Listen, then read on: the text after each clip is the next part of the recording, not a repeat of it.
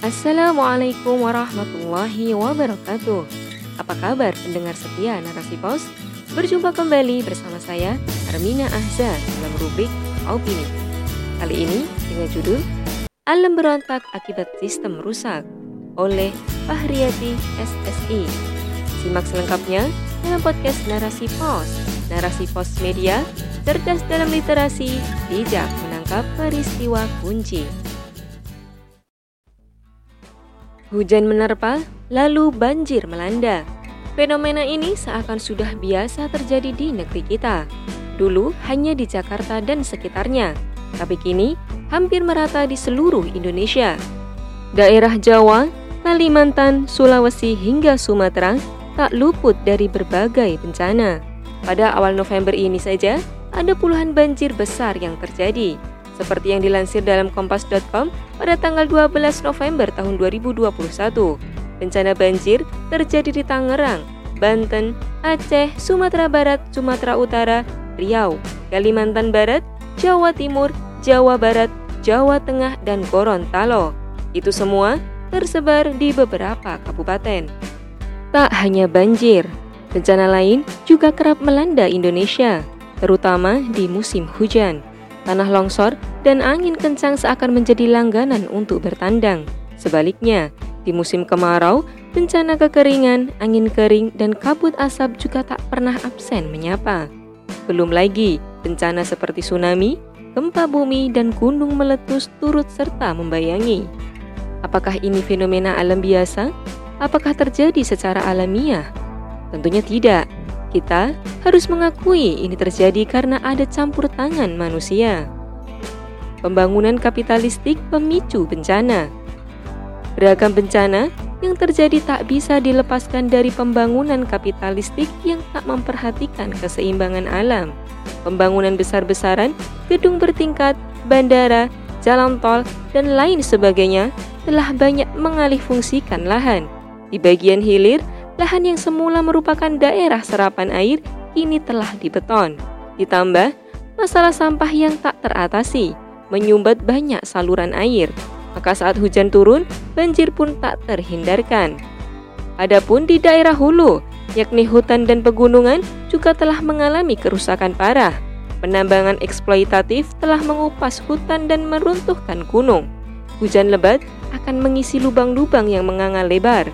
Tanggul yang tak mampu menahan air akan jebol hingga terjadilah banjir bandang. Tak hanya aktivitas penambangan, perkebunan kelapa sawit juga berkontribusi dalam alih fungsi lahan besar-besaran. Itulah beberapa faktor yang memicu terjadinya beragam bencana. Alam diperlakukan secara tidak adil, dieksploitasi sesuka hati, tanpa diperhatikan keseimbangan ekosistemnya. Maka wajar jika alam pun berontak. Hal tersebut telah diingatkan oleh Allah dalam Quran Surah Ar-Rum ayat 41 yang artinya telah tampak kerusakan di daratan dan di lautan yang disebabkan oleh tangan manusia supaya Allah merasakan kepada mereka sebagian dari akibat perbuatan mereka agar mereka kembali ke jalan yang benar. Bagi segelintir orang, yakni para kapitalis pemilik modal pembangunan dan eksploitasi alam tersebut sangatlah menguntungkan. Tapi bagi masyarakat lainnya, bukannya untung, melainkan nasib untung yang didapatkan. Banyak manusia yang kehilangan harta, bahkan nyawa. Beragam bencana menimbulkan kesengsaraan jutaan umat manusia. Sifat konsumerisme masyarakat yang dibangun oleh kapitalisme mengarahkan pada konsumsi dan produksi yang tinggi. Hal ini memicu eksploitasi alam besar-besaran. Gaya hidup hedonisme membuat masyarakat berlomba meraih kesenangan pribadi tanpa peduli kepentingan orang lain, juga tak memperhatikan keseimbangan alam. Demikianlah, keserakahan kapitalisme telah merusak segalanya. Sayangnya, ketika berbicara kerusakan alam, kebanyakan orang melihat hanya dari masalah cabang, maka solusi yang diberikan pun hanya di tingkat cabang belum menyentuh akar permasalahan, bersifat individual, tidak menyentuh sistem yang mengatur kehidupan. Begitu pula kebijakan yang dikeluarkan penguasa, kadang diskriminatif dan kontradiktif. Masyarakat dilarang melakukan penebangan liar, Tapi deforestasi atau perusakan hutan oleh aktivitas tambang maupun pembangunan terus diizinkan, bahkan dilegalisasi dengan undang-undang.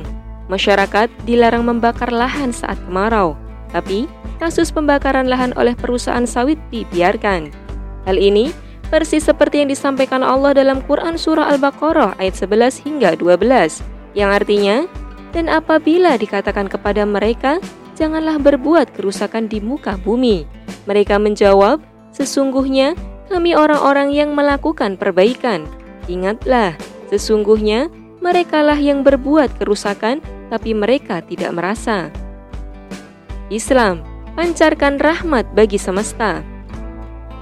Islam menetapkan bahwa sumber daya alam yang berkaitan dengan hajat hidup orang banyak merupakan hak kepemilikan umum, tidak boleh dikuasai secara individu atau golongan tertentu. Begitupun negara tidak punya hak menyerahkannya pada swasta. Negara bertanggung jawab mengelolanya untuk sebesar-besar kepentingan masyarakat. Negara menjaganya agar membawa kemanfaatan untuk semua, bukan malah menimbulkan kemudorotan. Konsep pembangunan di dalam Islam berbeda jauh dari konsep yang dijalankan oleh kapitalisme. Islam sangat memperhatikan nilai spiritual, kemanusiaan, moral, dan materi. Semua nilai tersebut diatur berdasarkan syariat agar tercipta sebuah harmoni dalam masyarakat. Dalam Islam, tujuan dari pembangunan berorientasi pada penyelamatan dan kesejahteraan publik, bukan keuntungan segelintir orang saja. Pembangunan tersebut juga harus memperhatikan keseimbangan alam, Allah telah memberikan amanah kepada manusia sebagai pengelola bumi, bukan penguasa yang bisa berbuat sekehendaknya. Allah membolehkan manusia menikmati apa yang ada di bumi, namun dilarang bersikap berlebihan, termasuk sifat serakah dalam mengeksploitasi alam. Allah berfirman dalam Quran Surah Al-A'raf ayat 56, yang artinya, Dan janganlah kamu membuat kerusakan di muka bumi sesudah Allah memperbaikinya dan berdoalah kepadanya dengan rasa takut tidak diterima dan harapan akan dikabulkan. Sesungguhnya, rahmat Allah sangat dekat kepada orang-orang yang berbuat baik. Inilah sedikit gambaran konsep Islam terkait pembangunan dan pengelolaan alam. Konsep ini tak bisa lepas dari sistem Islam yang mengatur kehidupan manusia secara menyeluruh. Ketika sistem ini diterapkan, maka kebaikan atau rahmat akan terpancar untuk semua tak hanya manusia, tapi juga seluruh alam semesta. Masihkah kita ragu untuk mengambilnya? Wallahu a'lam. Sekian dulu perjumpaan kita. Nantikan dalam opini-opini lainnya. Saya Armina Ahza pamit terlebih dahulu. Bunga Mawar Bunga Malati. Semoga rindu mendengar opini Islami. Barakallahu fikum. Wassalamualaikum warahmatullahi wabarakatuh.